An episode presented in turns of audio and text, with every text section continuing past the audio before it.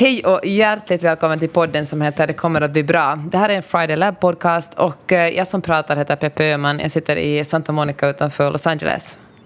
Och jag heter Maja Marianne Norgren. Jag finns i Stockholm.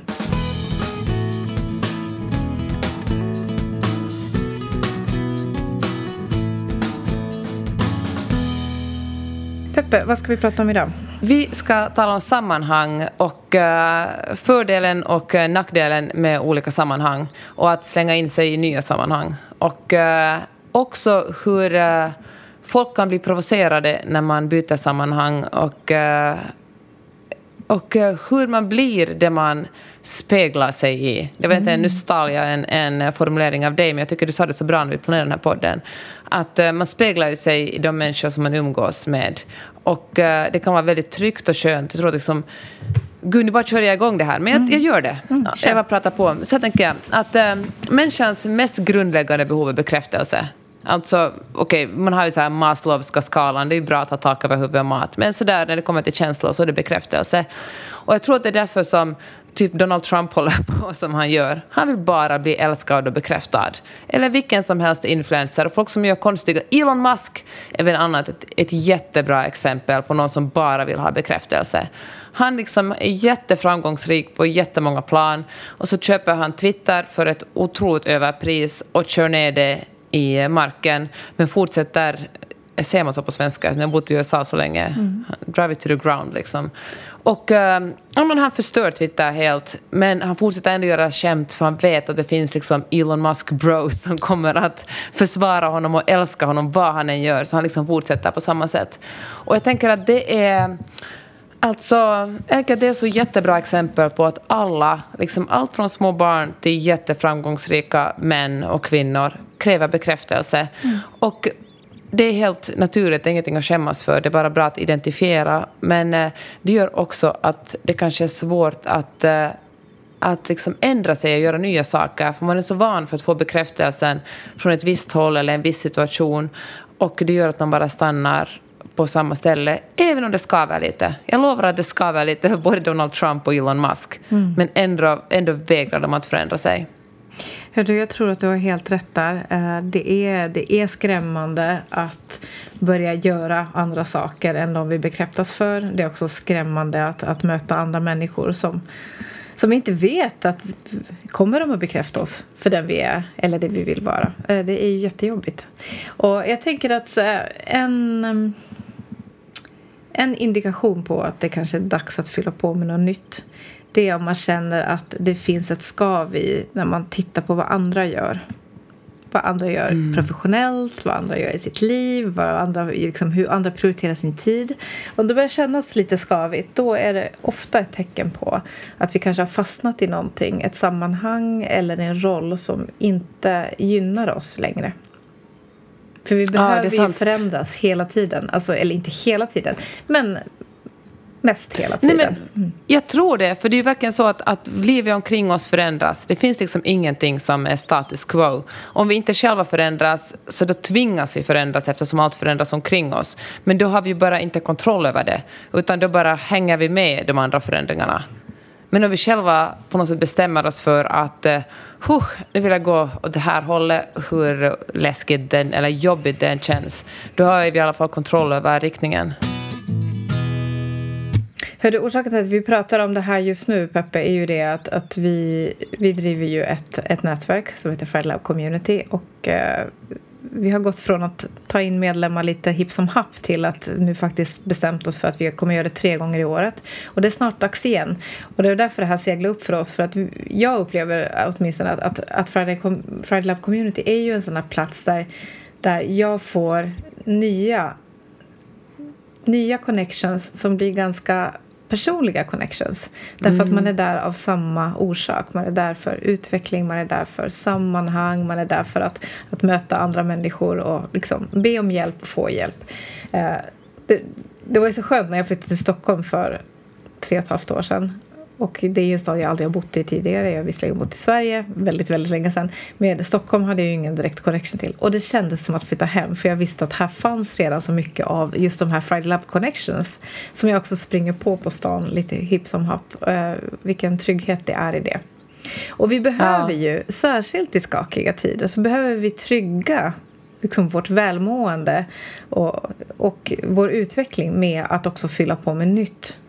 Och då är det inte det där att okej, okay, jag behöver en massa nya vänner eller jag behöver en massa nya, liksom ut och nätverka och ja, lite mingla så, utan utsätta mig, fast på ett positivt sätt. Vad är, vad är den positiva beskrivningen att utsätta sig? Tappar jag ordet. Vad finns det? Alltså, jag tycker att det är positivt. Utsätt, att utsätta sig, det är negativt. Uppleva. Ja. ja. Eller kliva in i andra sammanhang. För att man får lite nya tankar och lite nya möjligheter. Och, och det är ju inte alltid det från de personer som är som en själv de kommer utan ganska ofta är det ju från personer som, som har valt att leva livet på ett annat sätt eller valt en helt annan karriär, en annan utbildning. Det är ju där man hittar nya sätt att... Ja, och jag tror att, att det faktiskt nu, jag bara håller på att vifta här. Nej, men eh, jag, jag tror faktiskt att det, är det som är så spännande med Friday Lab är att folk inte kommer ur ens egen vänskapskrets eller ur ens kompisars kompisars vänskapskrets eller ens ur en liksom, eh, eller ur från ens kollegor utan det är människor som kommer från från helt andra platser. Vi har liksom folk som bor på olika håll i mest Norden, men också världen. Jag sitter ju ändå här i USA. Och från helt olika ålder och yrken och eh, familjesituationer och intressen. Det som liksom binder ihop de flesta av oss i Friday Lab är just det du sa, liksom, någon slags värderingar kring, eller kanske inte värderingar absolut, men också en nyfikenhet och ett intresse att fundera på vad jag egentligen håller på med.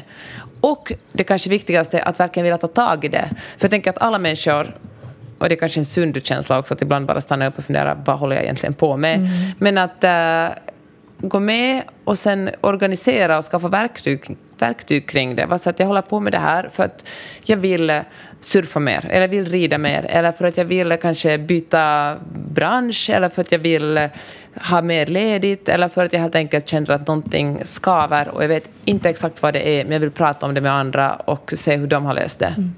Jag tänker att vi har också eh, pratat mycket om lifehacks och optimering, men inte ur ett produktivitets synvinkel utan just det där att få mer av det som man verkligen vill ha i livet genom att ta mm. bort mm. eller, eller effektivisera sådana saker som inte är så roligt. Helst ta Vet bort. Vad, jag tycker det är så bra att prata högt om det där, för jag, kan, jag verkligen är så väldigt typisk eh, liksom, kvinna som eh, tror att... Eh, men vila till exempel är för mig någonting som är en belöning. Och jag måste tala högt om det för att förstå att vila inte ska vara en belöning utan vila ska vara någonting helt naturligt i en människas liv. Mm. Det ska inte vara så att sen får jag vila som belöning för att jag var en duktig människa eller sen får jag vila för att jag har presterat så bra. Det, alltså, det är faktiskt någonting som du, Maja, och Fred Lab har hjälpt mig att formulera. Att den där prestationen som på något sätt flåsar mig i nacken hela tiden, det, ska, det liksom behöver inte vara normal nivå och sen är allt annat liksom en, en, eh, ett bonus. Mm. Utan vila ska vara lika mycket normal nivå som att vara produktiv. Det här är så intressant och jag tycker, kan vi inte stanna i och prata lite om det här? För det var ju ett eldtest förra veckan. För du var ju på semester. Och ja. inför, hur, hur länge var du bortrest? Mindre än en Sex vecka? dagar. Sex dagar. Ja. Inför den här veckan du ska vara borta sex dagar så förde vi många, många diskussioner om vad du skulle eventuellt kunna göra en dag fast du är på semester och vilka möten du skulle kunna dyka upp på och vad vi skulle också kunna få gjort och sådär. Och vi jobbade ju liksom ändå några veckor inför de här sex dagarna med att prata om att du kanske inte ska jobba när du är på semester. ja. Men för, alltså, och hur gick det, det sen? Alltså, det gick så bra, måste jag säga. Det gick så bra. Och det var så lätt också. Men jag tror verkligen att, att det var så lätt för mig att bara ta det lugnt. För att vi hade förberett, och jag hade förberett mig, inte bara liksom veckorna, absolut veckorna innan, men också att jag har pratat så länge, det är så många år om vikten av att verkligen vara ledig. Alltså, in, och vara ledig utan att ha dåligt samvete. Mm. Att liksom inte känna att jag på något sätt är en lite sämre person eftersom jag inte har gjort någonting som drar in pengar varje dag. Eller som visar att jag är en bra och duktig person. Nej, det var, och det var så skönt att vara ledig. Herregud vad det var härligt. Men vet du vad, så kände jag, det här kanske nu amerikanen i mig som pratar, jag kände också att sex dagar var perfekt. Jag längtade faktiskt hem efter att göra Friday Lab-grejer när vi kom. Det var inte sådär, det var ingen, det, inte den minsta söndagsångest. Utan på dag sex var jag sådär, nu åker vi hem och fortsätter. Och eh, det var också en så Fan, alltså då kände jag mig så nöjd med mitt liv. Du vet, istället för att känna den där... Eh, för tidigare i livet, typ när vi var liksom för 10-15 år sedan, vi åkte till Thailand i två veckor och sen den sista dagen hade jag en sån ångest över att nu är det sista dagen jag badar i den här poolen och ser de här palmerna och liksom det är varmt och skönt och jag är ledig. Snart kommer jag att vara tillbaka på kontoret och det kommer vara dammigt och tråkigt och jag kommer att längta efter att det blir fredag så att jag får vara ledig igen. Så kände jag. Det var liksom så sorgligt att lämna en underbar plats. Men eh, nu när vi åkte hem kände jag mest bara att nu åker jag från en härlig plats till en annan ganska härlig plats. Det är ju det bästa. Eh, och det är ju så vardagen ska vara, att den ska ju vara så härlig att, att man också längtar tillbaka till vardag när man har varit ledig. Men bra gjort Mm. Peppe, du får eh, guldstjärna och eh, ja, Tack coach. Maja. Mm. tänker jag också är, om man pratar om sammanhang, att eh, stöter på ganska ofta. Att vi har så lätt när vi sitter fast i de sammanhang och den sanningen vi lever i eh, och så ser vi någon annan göra någonting som vi känner att wow, tänk om man kunde göra så där. Då letar vi aktivt efter bevis varför vi inte själva skulle kunna leva så. Alltså till exempel, Verkligen. eh, men jag skulle aldrig kunna jag skulle aldrig kunna eh, ha en kaféfrukost i veckan för jag är ju inte företagare, jag är anställd.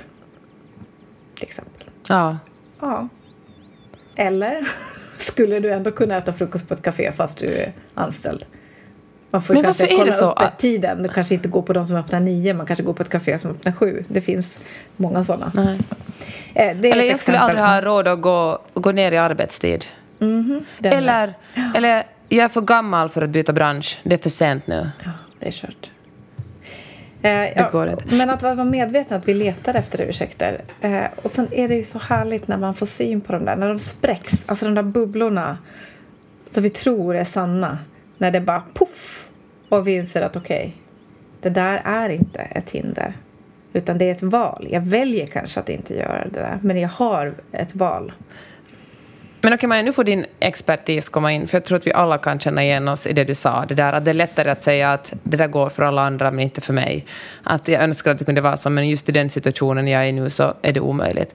Hur ska man spräcka den där bubblan? Vad finns det för, liksom, kan du ge oss några övningar eller verktyg för att uh, komma ur den? Men alltså, och det här, nu kan det vara provocerande för någon så nej jag tänker inte be om ursäkt men jag förvarnar. För att det är ändå det är ändå så att ibland så behöver man bli lite provocerad och så kan man gå och fundera på varför man blir det. Men till exempel, eh, jag tänker att, att man, man har små barn. Då har man väldigt, väldigt lite tid. Man är väldigt, eh, man är liksom väldigt fast i i att man inte helt styr sin tid. Det kan vara otroligt provocerande för någon att säga nej men eh, meditera 15 minuter om dagen.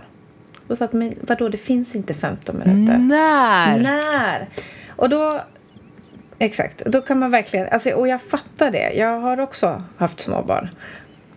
Men faktum är att det finns ju 15 minuter. Du gör saker under 15 minuter varje dag. Jag lovar att de allra, allra flesta har scrolltid 15 minuter. De allra flesta har tv-tid 15 minuter. De allra flesta har plocka undan leksaker 15 minuter. 15 minuter finns där. Men vi väljer att inte ta de 15 minuterna. Det, vi väljer att leva i den sanningen att det går inte. Men det är klart det går. Men vi behöver fatta ett aktivt val och se hur ska jag kunna få till den här 15, minut, 15 minuterna. Är det det att när barn somnar så gör jag det först? Innan jag plockar leksaker, innan jag tar disken, innan jag tar liksom. Vad är det för aktiviteter jag kan flytta från min tid som jag själv styr över till tiden jag är med barnen? Barnen mår inte dåligt av att jag tömmer diskmaskinen samtidigt som de är vakna. Eh, Jag kan tvätta kläder, jag kan laga mat. Jag kan, alltså det finns saker man kan göra. Men att, att det kräver ett beslut.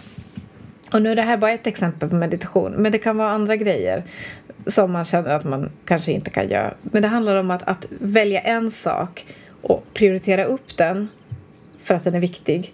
Och se vad är det som händer med mig om jag helt plötsligt är en person som kan göra det här. Vad händer med mig om jag går upp tidigare på morgonen?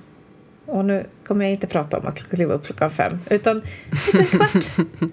Vad händer med mig om jag är en sån person som eh, vi har ju samlat massa, massa, massa stories när vi har liksom jobbat med flera hundra kvinnor nu, Peppe, under fem år. Eh, men vad Nästan 200? Mig? Alltså, ja, jätte, jättemånga. Eh, så vad händer med mig om jag eh, startar om varje dag? Jag kör en second start. Alltså jag har en start som är liksom med familjerum och alla ska iväg. Och sen när jag Sen när jag blir ensam ansvarig vuxen för min tid, oavsett om det är på jobbet eller hemma, hur kan jag göra en omstart? Att jag vaknar på nytt eller jag äter frukost en gång till. Eller liksom man tar en omstart, aktiv omstart. Um, jag kommer bli en person som kanske hinner snacka med sin partner. Om man vill det. Det som du en gång sa, som jag tänkt jättemycket på, är det att när man gör en förändring så är det mycket lättare att lägga på andra förändringar. Och ett jättebra exempel på det här är en kompis som eh, på sommaren, de har ett sommarhus fyra timmar, de bor i Stockholm, har ett sommarhus ungefär fyra timmar från Stockholm.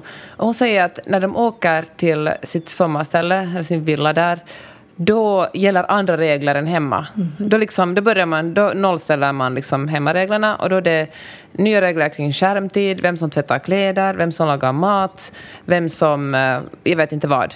Och jag tänker att det är så genialiskt, för det är en okay, att flytta liksom från ett hus till en annan, det kan ju kännas som en stor grej, men jag tänker att man kan också göra det i mindre skala. Liksom. En, en liten förändring passar man på att göra, slänga in en massa andra förändringar på en gång.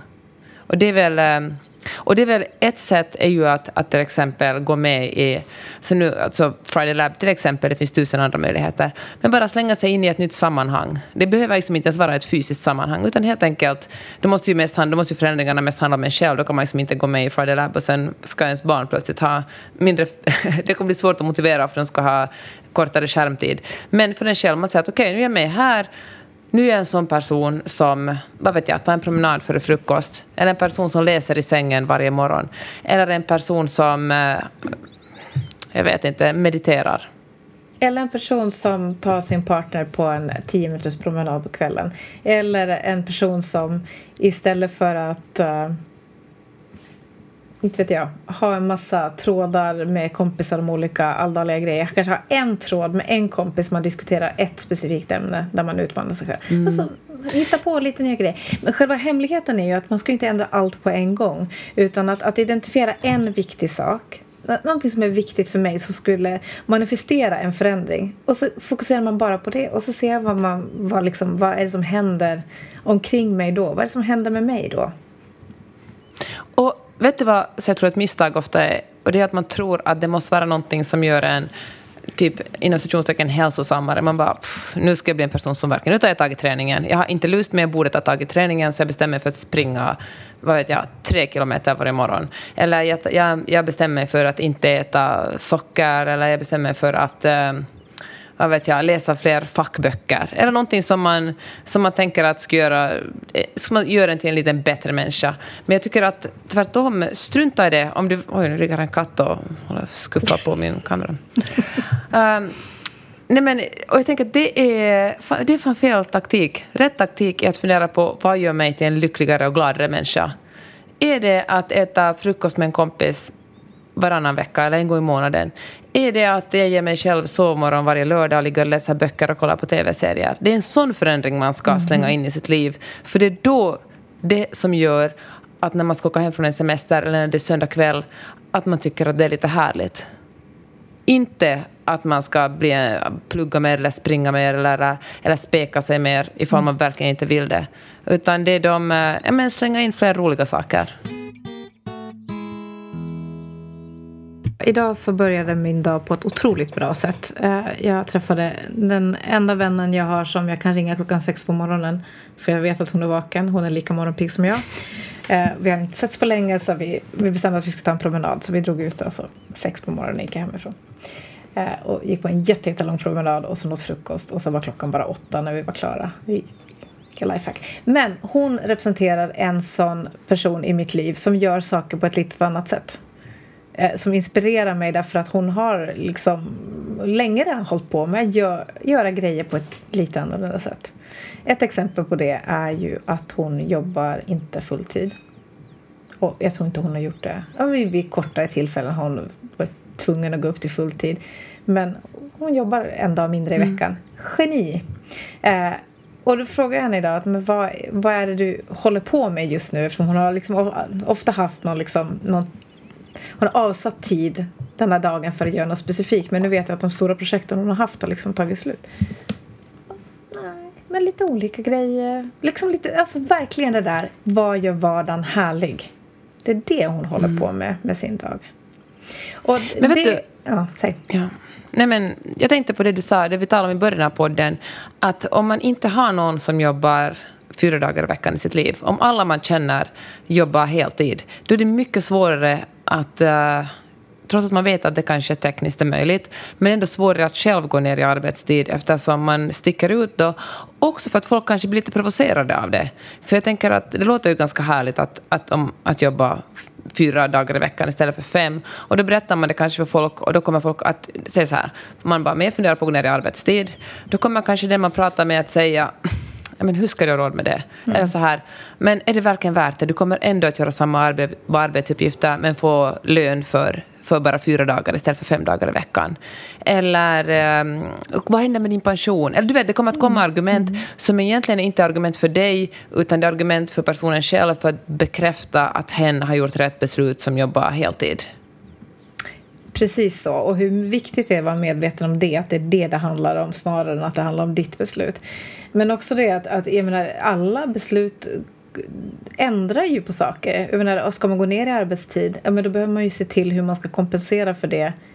Och det vet jag att just den här personen har ju liksom haft det i sin, hela sin karriär. Bara, jag ska tjäna lika mycket men jag ska jobba mindre. Det har varit ett mantra. Och också skaffat mm. ett liv där, där det finns marginaler för, alltså att man håller kostnaderna så pass låga att man alltid har möjlighet att både liksom säga upp sig och vara utan jobb ett tag och, eh, och att gå ner i tid.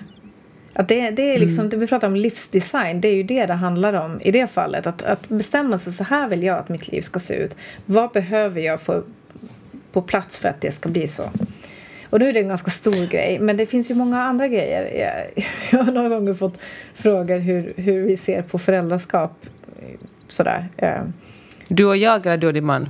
Jag och min man, inte du och jag. Jag tänker att vi, vi kanske inte ser på föräldraskap heller helt exakt likadant. Eh, det är en ganska avslappnad syn på föräldraskap. Att hur kommer det sig? Och jag tror att det kommer sig från det att när jag och min man har blivit föräldrar då har vi bott i ett annat land där vi inte har identifierat oss med hur föräldraskap såg ut på den platsen. Vi har inte heller följt de råd och regler som barnläkarna sa hur ofta barn ska äta och sådär. Det, liksom, det var ett väldigt strikt land vi bodde i. Eh, och då har man liksom kört sitt eget race redan från början. Och det tror jag att det sitter kvar lite i att, att, men, att eh, känna efter på magkänsla. Vad är rätt? Vad är rimligt? Om våra barn inte är jättekänsliga för att vi ibland äter middag klockan sex och ibland klockan halv nio så då är det ingen fara med det jag har aldrig känt mm. någon press att maten ska vara på bordet en viss tid. För det funkar för vår familj. Jag förstår att det inte funkar för alla familjer. Men jag tror också att vi har jättemycket med oss också i föräldraskapsrollen. Att hur vi själva har vuxit upp, hur människor omkring oss agerar, hur vi pratar kring det här livspusslet och stressen. Och vi tror att, att samma pussel gäller oss alla. Och inte utmana de olika bitarna. Finns det något annat sätt att göra det här på? Mm. Ja, det handlar väl om det att om, ju fler människor som gör på ett sätt, desto svårare är det att uh, bryta loss och göra på ett annorlunda sätt. Det är ju... Jag tänkte mycket när vi flyttade till USA skulle vi bara stanna här ett år. Men då kommer jag ihåg hur väldigt många andra varnade mig för att det aldrig skulle gå med barn. Att det var liksom... Nej men det var inte... Nu i efterhand känns det ju skrattretande. Herregud, att ta med en treåring ett år till ett annat ställe där ena föräldern är hemma. Det är ju, men jag tänkte mycket på det. Jag var så att, men kanske det är sant. Kanske det är sant som de säger att, att han kommer att vara ensam. Det kommer bli problem att han ska lära sig språk. Liksom. Tänk om han varken lär sig svenska eller engelska. Men jag tänkte tusen sådana saker. Men äh, ja, det gick ju helt okej okay ändå. Alltså att flytta till ett annat land är ju en ganska radikal lösning. Alltså du sa att ni bodde utomlands när ni fick barn.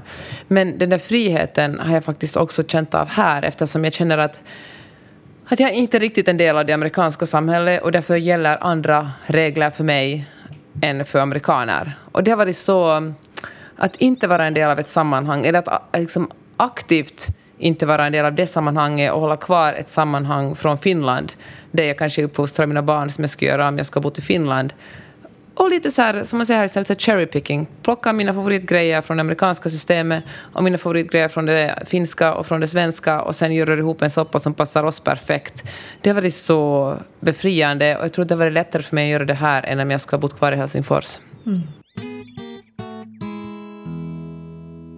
Om vi går tillbaka till det här med att, att hitta nya sammanhang. Eh, jag tänker att, att, det är så inspirerande när man pratar om riktiga saker. Alltså att prata vardag med, med människor är ju jätteinspirerande. Man just kan få syn på att, att, när det finns någon som gör någonting på ett helt annat sätt och kan börja liksom fundera på att hur skulle det kunna se ut i mitt liv. Men också där eh, man hittar hittar peppen att våga prova för det är också det att ibland tänker man så här, herregud om jag börjar göra så här så finns det inga återvändo. Men det finns det ju nästan alltid. Men att, att ha den här liksom flexibla miljön att prata i där man kan testa lite eller gå all in eller, eller inte testa alls. Men att man får vara, vara så. Verkligen. För skillnaden är ju faktiskt det att om man berättar för sina, sitt vanliga sammanhang, jag kommer att bli en sån här, nu ska jag testa på att göra det här. Då kommer folk kanske inte alls att vara sådär, gud vad bra, heja. För de känner att de måste göra samma sak. Alltså de känner sig lite provocerade av att du vill förändra dig. Men går man med i ett sammanhang där alla är på samma plats, alla är sådär att men vad, den här veckan ska jag testa att göra det här. Då kommer man bara att mötas av pepp och bekräftelse eftersom man helt enkelt umgås med folk i samma situation med samma nyfikenhet på att uh, styra upp, göra en liten tweak. Och det är ju det som vi alltid jobbar med i Friday Lab aldrig jättestora beslut. Vi kommer aldrig att vara sådär, nu, ska du, nu måste du flytta till eh, vad vet jag, Zimbabwe och börja ett nytt liv, för det kommer att göra allt bra. Utan tvärtom eh, ska man ska, jobbar vi på att göra så små justeringar som möjligt, så små härliga justeringar som möjligt. För att det är de små justeringarna som i längden leder till en stor, jättefin helhet. Det är inte de jättestora radikala besluten. Precis, Nej, men vinnande vanor men sen också att bygga strukturer kring de vanor som man väljer. Eh, jag har flera år haft en, en WhatsApp-grupp med några kompisar där vi har haft som fokus att gå 10 000 steg i veckan. För att se till att man rör på sig. Och det här var ett, alltså vi, I början hade vi ett pris. Jag vann varje månad. Och nu skryter jag inte, utan jag vann varje månad. Eh, något undantag kanske, under flera år alltså. Eh, nu har vi inte varit så jätteaktiva på den. Och jag har inte heller, för vi hade rapporterat varje månad, så genomsnittet mm. för månaden. Nu var jag inne och kollade idag. Och vet du, det har hänt någonting. Jag hoppas att det har hänt för de andra också. För jag har alltså inte gått 10 000 steg i varken januari eller februari eller mars. Ursäkta, i veckan eller om dagen? Vad är liksom... Om dagen i snitt om man tar den här månadssidan. Ja, okej. Okay. Ja, ja, ja, jag fattar. Eh, och och jag funderat, men herregud, vad, för jag har gjort det i flera år alltså. Varje månad gått 10, 11, 12, 13 000 steg i, i dagen i snitt. Så vad har hänt nu helt plötsligt? Men då har det ju skett en sån strukturell förändring i vardagen. Det är helt plötsligt har barn som går själva till skolan på morgonen. Mm, just det, så en någonting som du inte har påverkat grejen, själv. Nej, jag har intressant. påverkat genom att uppmuntra dem att gå själva till skolan Tjasa ut dem. Men och jag går ju varje dag och jag har ingen bil så jag får ju steg. Men den lilla förändringen i grundstrukturen har alltså gjort och det att jag inte har följt upp längre eftersom jag bara utgått från att jag ändå vinner. Eh, men så, så har alltså gjort den förändringen, den lilla förändringen. Men hur känns det då? Känns det som ett misslyckande? Hur hanterar, Nej, eller vad, det, vad det, det blev en bra påminnelse för mig igen att, att det som man tycker är viktigt det är viktigt att ha en vana kring det och strukturer kring det. Men så måste man också hålla koll på det. För vi är ju ja. vanedjur och det är jätte, jättelätt att tappa goda vanor också. Så, och vi ska inte hålla på, som vi sa, vi har pratat mycket om att vi ska inte hålla på och prestera och alltid vara bättre och bättre och bättre. Utan, men de som vi tycker är liksom så core uh, habits, de som är viktiga för oss de måste vi också hålla lite koll på. Mm. Så att vi inte vid misstag bara har liksom gjort någon liten förändring. Har vi inte märkt det så har det gått ett halvår och så har vi tappat någonting som var viktigt mm. för oss. Hör du, eh, jag frågade dig det där om att, att om det kändes som att du hade misslyckats för att jag har varit ganska rädd för att misslyckas. Alltså jag, gillar, alltså jag fattar att ingen gillar att misslyckas, det är inte på något sätt unikt för Peppe Öhman. Mm. Men, äh, men någon slags här äh, tvångsmässigt beteende i att vilja vara bra på det man gör. Eller att folk ska tycka att jag är bra. Att jag liksom en, folk ska tycka att jag är duktig på det jag sysslar med. Och eh, jag märker till exempel att min man inte alls har samma behov av det, utan han kan vara mer avslappnad. Vilket säkert också beror på att man i, ofta i relationer har liksom, man tar olika roller och sen kanske man blir lite extremare i just den rollen för att man är tilldelad, tilldelad den rollen. Hur som helst, för några år sedan började vi surfa, som alla som följer mig på Instagram kanske har noterat. Och eh, när man börjar med någonting nytt så sätter man sig i ett nytt sammanhang, men för mig var det lite av en eh, chock att vara sämst alltså på någonting. Alltså det var, det var svårt att uh, se folk som var yngre än jag som var mycket bättre på att surfa än jag. Och uh, det var... Det var, för det första det var ganska peppande. Då kände jag mig att mitt enda mål är att bli bättre än min man, vilket... Ja, såklart. Men, eh, men eh, det var också Alltså, jag hade kommit över den känslan av att inte vara så bra och inte kunna imponera på folk, så var det ganska härligt att vila i att inte ens tävla om att vara bäst, utan bara hålla sig på sin egen lilla nivå och pyssla med sitt. Alltså, se sådär att okej, okay, jag kommer upp på bredden och kan svänga en gång, då räcker det. Alltså, då har jag varit duktig, tillräckligt duktig för mig. Det var... Så jag går omkring nu som någon slags eh, vet du, så här, Jehovas vittne eller mormon och vill tipsa folk om att börja med någonting nytt. Mm. Alltså en ny hobby eller någonting som man verkligen börjar från noll. Och på något sätt vila i det sammanhanget att vara sämst i gruppen. Men hur är det nu då? För jag gissar att nu är du inte sämst i gruppen. Nej, det är också otroligt härligt faktiskt. Att jag ska just komma men... det. Nu har vi pratat, vi, vi hade en sån tankelek att vad är din surf? För är det någonting som, ja. som liksom, nu har vi känt varandra i ungefär lika länge som vi har drivit företag, det vill säga fem år.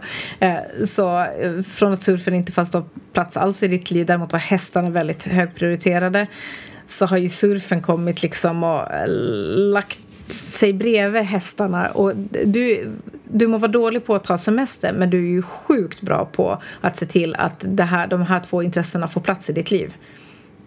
Alltså där... Ja. ja där, det, det, liksom, det är tydlig prioritet för dig. Så hur är det nu? För nu har du surfat väldigt mycket. Så nu är du inte sämst längre. Så har det nu blivit mer en prestation? Nej, faktiskt inte konstigt nog, då känner jag faktiskt mer att hästar är en, en... Alltså jag älskar ju fortfarande otroligt mycket och hästar kommer alltid att vara nummer ett hobby för mig. Men... Um, men nej, konstigt nog, alltså, okej, okay, så oss emellan, Magnus kommer nog inte att lyssna på den här podden om han inte klipper den. Men det enda viktiga för mig är att vara bäst i familjen. Ja, jag fattar det, och det vet ju Magnus också. Men, ja. Men, um, så, och det är, kanske är det också för att det är lite viktigare för mig än för honom. Liksom han gör sin grej och liksom tycker att det är roligt om han får en snygg pop-up eller liksom om han surfar som han ser folk på liksom, real-surfar.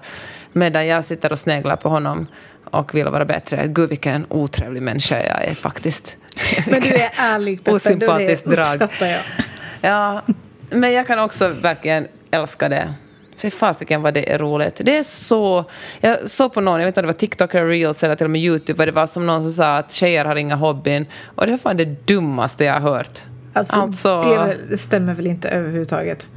Nej, men om jag får, om, no, alltså, om du som lyssnar på den här podden, du är inte sugen på hobbyn, har en hobby, men tänker att du inte riktigt har tid för den, då jag är ju inte coach så jag får komma med goda råd. Det mm -hmm. gör du ju aldrig Maja, du ställer bara frågor. Men jag säger så här, fan, gör den, din hobby, det som gör dig glad, gör det till en prioritet. Gör det liksom till en, så här jag, det finns liksom, alltså familjen måste, det måste vara något otroligt viktigt för att jag ska avboka surfningen eller ridningen. Det måste liksom, eh, det, jag har liksom gjort det till en sån självklar sak i mitt liv att ingen ens ifrågasätter det. Utan eh, hästarna och surfbrädorna kommer väldigt högt upp. De kommer typ efter mina barn i prioritet. Och det är ju det som faktiskt är hemligheten, att, att vi har koll på vad som är på riktigt viktigt för oss. Och vi lägger vår energi, vi lägger vår tid, vi lägger våra pengar, vårt fokus på de grejerna istället för att strössla ut det på en hundra olika saker. Alltså det blir mycket lättare ja. att välja då när man vet att det här är det jag prioriterar. Det pratade vi om med våra medlemmar förra, för två veckor sedan när vi hade ekonomisnack. Att, att välja de där liksom grejerna. Vad är det man tycker om att lägga pengar på? Så att man kan verkligen styra fokus dit och sen släppa eller skära bort de delarna som bara man bara gör på slentrian. Och så måste vi ju behandla vår tid också. Ja, verkligen. Men jag tänker att en bra början är att göra en lista. Jag är ju en skrivande människa och tycker att allt blir mycket tydligare om man flyttar från sin hjärna ner på ett papper eller en skärm, men helst ett papper. Bara börja med att, att göra typ två kolumner där man skriver det här blir jag glad av att göra, det här gör jag men det här skänker mig kanske inte så mycket glädje. Det här gör jag av gammal vana eller för att jag tror att jag borde göra det. Alltså borde kan man börja med att stryka. Och sen har man två listor och så, bara kan, så blir det väldigt tydligt för en vad man ska prioritera och skänka mer tid och vad som kan man dra ner i tid på. Maja, som du sa i början av den här podden så tar vi in nya medlemmar tre gånger i året i Friday Lab. Och uh, nu har man chans att ansöka om medlemskap i Friday Lab Community. Yes. Hur gör man då, Maja? Då går man till föräldrar.se och klickar sig vidare till community och där kan man fylla i en intresseanmälan. Och då kontaktar vi dig, när du finns på väntelistan, kontaktar vi dig den 25 april och vi har öppet under en vecka ungefär. Där kring från april till början av maj. Och inför det här insläppet så har vi lite roliga grejer som händer också. Vi kommer bland annat att köra en utmaning på Frelab Academy eh, som handlar om att ransaka sina vanor. Det blir kul. Jättebra uppvärmningsövning för Friday Community. Ja, verkligen. Och sen så kommer man också kunna testa planolong vid två olika tillfällen. Så är du sugen på det så håll utkik på vårt Instagramkonto och, eh, eller skicka ett meddelande till oss så meddelar vi dig hur du gör. Men så mycket roliga saker händer det. Och det är alltså en härlig vardag är ju det vi vill åt. Och det, det finns att få och det går ganska snabbt men vi måste börja någonstans. Börja göra, mm. ta en insikt och testa och se vad som händer. Och testa i det lilla. Hör du, eh, Maja, tack för det här. Det var otroligt roligt att se dig medan vi poddar. Det gör vi vanligtvis aldrig, men jag kan verkligen säga att jag uppskattar den här ja, sessionen. Detsamma. Tack för att ni har lyssnat. Tack för det och eh, vi hörs snart igen. Vi. Kram på er. Ja. Hej då.